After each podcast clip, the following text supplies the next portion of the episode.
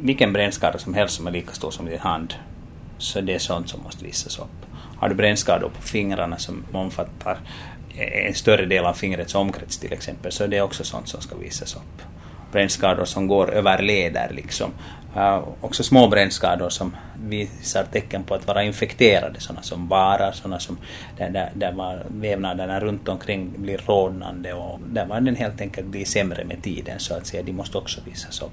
Men att vi har storleken, vi har infektion, vi har lokalisationen. Det här är alla sådana saker som spelar in då det gäller att se vilka brännskador som måste visas. Brännskador på könsorgan, det är inte alls hemskt ovanligt i bastun att man spiller hett vatten på sig någonstans där man sitter och det är sådana som också oavsett, ganska oavsett storlek så nog måste visas upp. Och då det gäller barn så, så är den här arealfrågan, så det är inte en handflata utan det är en halv handflata. Så det, det, det halv vuxen eller halv nej, barn? Halv barn, barn. Aha, det, det är en okej. brännskadades handflata, inte sant?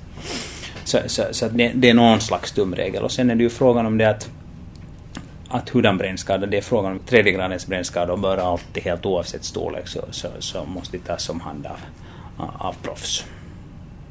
Men att om vi nu hoppas att, att det inte blir en stor brännskada utan att vi, vi har ett område som får en rodnad och där rodnaden sedan övergår i, i blåsbildning så, så länge blåsan håller sig hel så då, då har vi en, en brännblåsa helt enkelt och, och, och skalet utanpå blåsan så, så den skyddar blåsan för infektion. Men ganska ofta så är det så att stora blåsor så går sönder och sen när blåsan är trasig så då skyddar inte det där skalet mer och då är, då är det så att det lönar sig att klippa bort den där döda huden. Mhm. Så blåsans tak så att säga. Mm. Och hur skyddar huden sen? Det som har använts tidigare som man har satt på fettkompresser, för, först en tunn fettkompress som gör att, att den tygkompress som man sätter utanpå inte fastnar så illa.